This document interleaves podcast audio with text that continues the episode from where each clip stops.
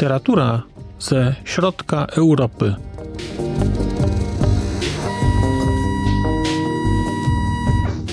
Podcast około książkowy. Dzień dobry. Witam Państwa w kolejnym odcinku podcastu Znak Litera Człowiek. Przed mikrofonem Marcin Piotrowski. Chciałbym dzisiaj zachęcić Państwa do przeczytania książki Czesława Miłosza Zniewolony umysł. Książki, która ukazała się w roku 1953, co oznacza, że w tym roku będziemy obchodzić 70. rocznicę ukazania się tej książki. I wydaje mi się, że jest to świetna okazja, żeby przeczytać tę książkę albo ponownie, albo po raz pierwszy. Zniewolony umysł Czesław Miłosz napisał w roku 1951, ukazał się dwa lata później nakładem paryskiej kultury. Z powodów oczywistych nie mogła ukazać się w Warszawie. Jednakowoż była to książka bardzo mocno osadzona w kontekście warszawskim, osadzona w kontekście polskim. Mimo, że adresowana w dużym stopniu do czytelnika zachodnioeuropejskiego, to jednak opowiadająca o tym, co wydarza się w Polsce. Czym jest zniewolony umysł? No, wydaje się, że chyba najlepiej oddaje to sam Czesław Miłosz, pisząc we wstępie, że zniewolony umysł to jest traktat polityczny. I rzeczywiście chyba jest to traktat polityczny. Niewątpliwie ma ta książka cechy bardzo wysokojakościowej eseistyki, ale główną myślą przewodnią jest jednak spojrzenie na system polityczny komunizmu, właściwie komunizmu sowieckiego. I wszystko, co jest w tej książce napisane, jest właściwie temu podporządkowane. Treści, które możemy znaleźć w zniewolonym umyśle, można byłoby podzielić na dwa takie główne bloki tematyczne. Pierwszy to jest spojrzenie na system społeczny, na system polityczny jako taki, a drugi to jest spojrzenie na ludzi, którzy w ramach tego systemu funkcjonują, konkretnie spojrzenie na czterech pisarzy. I może najpierw wspomnę o tych pisarzach, a potem powiem dwa słowa na temat systemu politycznego. W zniewolonym umyśle Miłosz opisuje czwórkę pisarzy, którym nadaje pseudonimy bardzo jasno mówi, że ponieważ książka jest adresowana do czytelników zachodnioeuropejskich, podawanie nazwisk prawdziwych nie ma sensu, bo nie o to chodzi. Bardziej chodzi o pokazanie pewnego typu postaw, o pokazanie sposobu, w jaki osoby, które od jakiegoś systemu były odległe, stają się jego częścią i zaczynają w ramach tego systemu funkcjonować. A ponieważ te osoby są opisane dosyć konkretnie, więc osoby w Polsce nie będą miały z kolei problemu, żeby przypisać nazwiska, ale istotą tej książki nie jest punktowanie zachowań poszczególnych ludzi. Istotą tej książki jest zwrócenie uwagi na to, jak działa system komunistyczny, jak działa sowiecki komunizm i co robi z ludźmi. Tą czwórką pisarzy, o której pisze Miłosz, jest Jerzy Andrzejewski, który pojawia się pod pseudonimem Alfa, Tadeusz Borowski, który pojawia się tutaj jako Beta, Jerzy Putrament, który jest gamą i Konstanty Idlefons Gałczyński, który jest deltą. Każdemu z tych pisarzy poświęcony jest osobny rozdział. Mamy tam okazję spojrzeć na nich trochę prywatnie, spojrzeć na nich z perspektywy tego, co robili przed wojną, jak spędzili wojnę i jak zmienił się ich stosunek do komunizmu, do systemu jak stali się osobami aktywnie ten system wspierającymi, dlaczego wybrali taką drogę, co z tego wynika. Na mnie największe wrażenie zrobiła chyba opowieść o Jerzym Andrzejewskim i o Tadeuszu Borowskim. Być może dlatego, że sporo już o nich czytałem i ta opowieść Miłosza wpisywała się w to, co wiedziałem, było mi najłatwiej te elementy dopasować. Te elementy też wypełniły jakieś fragmenty, jakieś luki, jakieś białe plamy na tej mojej, na tym moim rozumieniu ich życia. Ale szczególnie interesująca jest opowieść o Jerzym Andrzejewskim.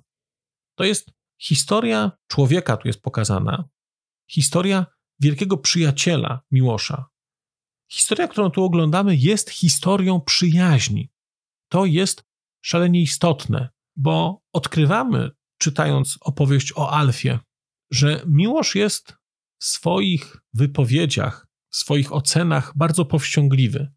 On pokazuje pewne zjawisko, wprost przyznaje się do przyjaźni z Andrzejewskim, do wspólnych losów przedwojennych, wojennych, do tego, jak właściwie razem oszukiwali śmierć w trakcie okupacji, jak, jak byli blisko czasami czegoś.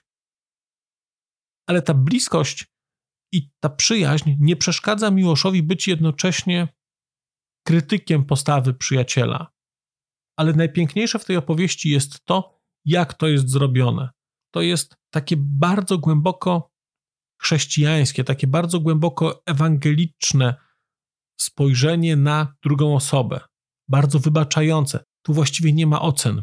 Ja bardzo cenię takie wypowiedzi, kiedy jest po prostu coś przedstawione i komentarz, szansa na komentarz jest właściwie pozostawiona czytelnikowi. I mimo, że możemy się domyślać, jakie jest zdanie Miłosza na temat aktualnej postawy Andrzejewskiego, to ono tutaj nie jest wprost wyrażone. To jest, mam wrażenie, wielka jego zasługa i taki bardzo głęboki ludzki gest. Bardzo interesująca jest także opowieść o Tadeuszu Borowskim. To jest opowieść, którą Miłosz napisał jeszcze przed jego śmiercią i dopiero potem jest dołożony taki mały fragmencik, kiedy Miłosz mówi, że właśnie się dowiedział o tym, że Tadeusz Borowski nie żyje. Ale zarówno opowieść o Andrzejewskim, jak i opowieść o Borowskim są bardzo ciekawymi opowieściami pokazującymi, w jaki sposób komunizm, komunizm sowiecki, powiedzmy sobie jasno, wydobywał z ludzi pewne rzeczy, wydobywał z nich pewną gotowość do zmiany, wydobywał z nich chęć dzielenia się czymś i jak transformował to, jak wydobywał tę energię, kształtował ją i kierunkował w inną stronę. widać to zarówno w przypadku Andrzejewskiego, jak i Borowskiego. Jak pokazane jest, jaki gniew wobec tego, co się wydarzyło kiedyś w czasie wojny, jak on zostaje przetransformowany i jak staje się siłą napędową ich takich już bardzo, nie chcę powiedzieć, że destrukcyjnych, ale takich zachowań bardzo mocno promujących ten komunizm. Mamy też jeszcze oczywiście tekst o Jerzym Putramencie, mamy tekst o Gałczyńskim, pozostawiam je bez komentarza, są to świetne teksty, dla mnie są nieco bardziej odległe. Ciekawe jest to, że w tej gradacji widać, moim zdaniem, rosnący dystans Miłosza do tych osób. Mam wrażenie, to są kolejne kręgi do pewnego stopnia piekieł może. Ja przynajmniej tak to odebrałem podczas tej lektury. No ale na końcu tak naprawdę, ponieważ mówiłem o tym, że jest to traktat polityczny, to ta polityczność podkreślona jest przez fakt, że na końcu my widzimy, co stało się z tymi ludźmi, kiedy zaczął nimi manipulować komunizm i jak oni się zmienili. Dlatego, że ta opowieść, ta książka jest opowieścią o systemie politycznym. Ludzie są jedną z części tej opowieści. Na nich widzimy, jak ten system działa, jak on ich zmienia, jak on ich osacza, jak on ich wciąga, ale jest to opowieść o systemie, nie o ludziach. No i kiedy mówię o systemie, to jest właściwie cała główna część tej książki dla mnie. Opowieść o systemie, czyli o komunizmie, ale właśnie, ale czy tylko o komunizmie? Jeżeli słuchacie Państwo tego podcastu regularnie, to jakiś czas temu przy okazji opowieści o książce Literatura Wiktora Woroszylskiego wspominałem o takim wątku, kiedy Woroszylski odwiedza Paryż i spotyka młodych Paryżan, którzy chcą robić rewolucję, którzy chcą robić komunizm we Francji, którzy mają wielkie nadzieje z tym związane i Woroszylski jest wobec nich bardzo zdystansowany. Ja także byłem zdystansowany i ja także miałem wrażenie, że nawet podzieliłem się tym na antenie, że ci ludzie nie wiedzą, co czynią, nie da się zrobić. To, to tak nie działa, ten komunizm tak nie działa. Ale czytając Miłosza, uświadomiłem sobie, że być może byłem nieuczciwy intelektualnie wobec systemu politycznego. Dlatego, że uznałem, że Francuzi sami nie umieliby zrobić komunizmu, a może by umieli. Pozornie wydaje się, że książka o zniewolony umysł jest książką antykomunistyczną, ale jest tak tylko do pewnego stopnia. Dlatego, że ta książka sprzeciwia się nie samemu komunizmowi jako takiemu, tylko jego sowieckiemu wydaniu. I czytając tę książkę dzisiaj, 70 lat po jej napisaniu, miałem wrażenie okrutnej aktualności tej książki. I miałem wrażenie, że ta książka jest w mniejszym stopniu antykomunistyczna, a w większym stopniu jest głęboko antysowiecka, jest głęboko antyrosyjska i jest głęboko antyimperialistyczna. Takim punktem wyjścia dla Miłosza jest najpierw książka Witkacego, ale później pojawia się wątek w ogóle Zachodu i byłem całkowicie zaskoczony to czytając. Kiedy czytałem refleksję Miłosza na temat Zachodu, to muszę powiedzieć, że takie same, takie same refleksje mam niestety od lat. Kiedy Miłosz w 51 roku pisze o tym, że Zachód jest głupi, że Zachód jest naiwny, że Zachód chce mieć święty spokój, że jest jak dziecko, to te wszystkie rzeczy, mam wrażenie, obserwuję od lat.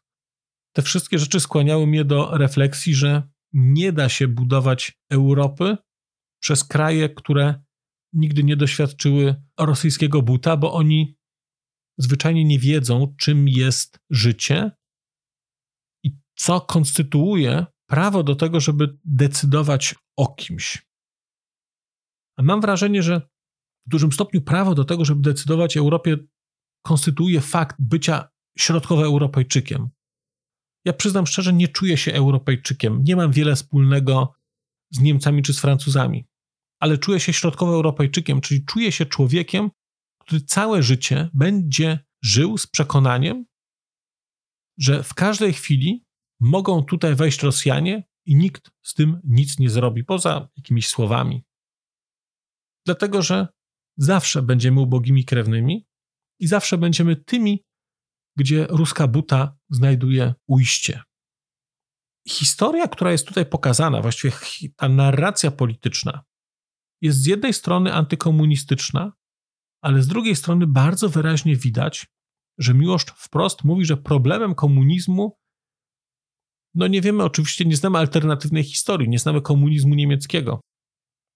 Ale pytanie, czy gdyby komunizm powstał we Francji, rozwinął się, czy byłby on czymś tak głęboko prymitywnym, czy byłby on czymś tak głęboko zapóźnionym, wstecznym, wewnętrznie ograniczonym intelektualnie?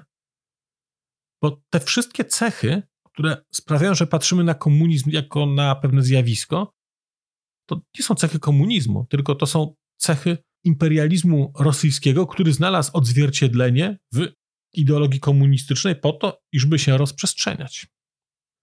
I ta książka jest porażająco aktualna.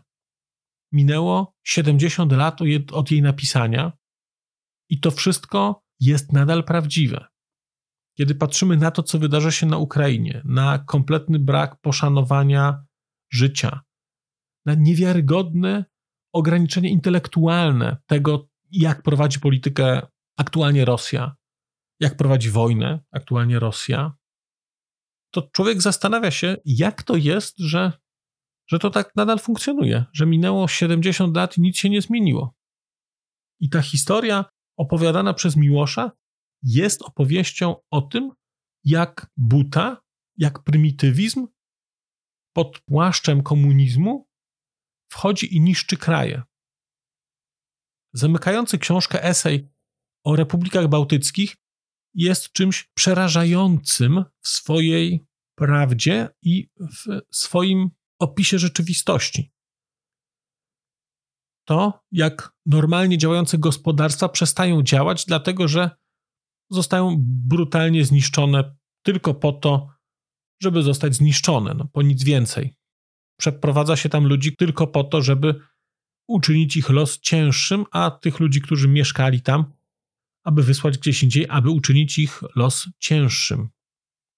I oczywiście jest to teoretycznie element budowy komunizmu, ale jest to budowy, element budowy komunizmu w systemie sowieckim, czyli w systemie, który jest raczej intelektualnie niespecjalnie rozwinięty, powiedziałbym, który jest raczej, jak to mawiał profesor mojego taty, nieostry, by nie powiedzieć tępy.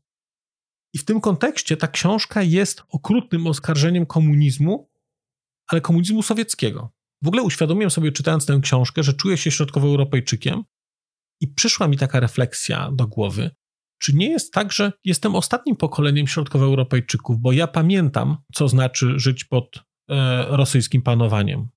Bardzo odlegle, ale pamiętam. Ale na przykład moje dzieci mają to szczęście, że nie pamiętają że one nie będą widzieć różnicy między Polską a Niemcami, między Polską a Francją. No, może w jakości życia, ale poza tym w niczym więcej. To są normalne kraje, wolne, decydujące o sobie, którym nikt nic nie mówi. Tymczasem istotą Europy Środkowej jest życie, w, może nie w strachu, ale z ciągłą niepewnością tego, że wejdą albo nie wejdą. I właściwie bardziej wsteczne odliczanie, kiedy ponowią próbę. Trochę jak w grze o tron, te ludy, które żyją za murem, ci, ci wieczni wędrowcy, będą nieśli tylko śmierć, nic więcej, śmierć i zniszczenie. I uświadomiłem sobie, że tak naprawdę ideę środkowoeuropejskości odrodził towarzysz Putin, najeżdżając Ukrainę, bo pokazał ludziom w tej części Europy, którzy normalnie by być może nie pamiętali, nie mieliby okazji pamiętać, kim są mieszkający na wschodzie, pokazał, czym jest rosyjski imperializm, który niczym nie różni się od radzieckiego imperializmu. I czytałem tę książkę napisaną 70 lat temu o sytuacji w Polsce, o tym, jak Rosjanie pewne wzorce, pewne rzeczy przeszczepiają, jak pewne rzeczy niszczą, jak ludzi upadlają. A jednocześnie cała ta historia była historią, która wydarza się aktualnie na Ukrainie, która wydarza się aktualnie w całej Europie Środkowej. To jest ponadczasowa książka. Byłem tym całkowicie zaskoczony. To jest książka, która idealnie wpisuje się w takie książki jak na przykład, czy w refleksję na temat idei rosyjskości i komunizmu, jak na przykład e, Józefa Szkworeckiego Przypadki inżyniera ludzkich dusz, jak na przykład książki Marcy Shore, gdzie też te rzeczy wybrzmiewają, jak na przykład Odkrycie Europy Wschodniej, o którym też jakiś czas temu opowiadałem. W tych wszystkich miejscach bardzo wyraźnie widać brutalną, negatywną, niszczącą rolę Rosji. W książce Miłosza widać brutalną, negatywną rolę komunizmu rosyjskiego. Może się wydawać, że ta książka jest odległa od nas, bo opisuje pisarzy sprzed 70 lat, którzy dawno nie żyją, czasy minione, nie ma socrealizmu. Wydaje się, że wszystko się zmieniło. Tymczasem nie zmieniło się tak wiele. To znaczy, nadal będziemy mieli ludzi, którzy oddają się we władanie jakiemuś reżimowi, jakiemuś systemowi politycznemu. To będzie w każdym kraju.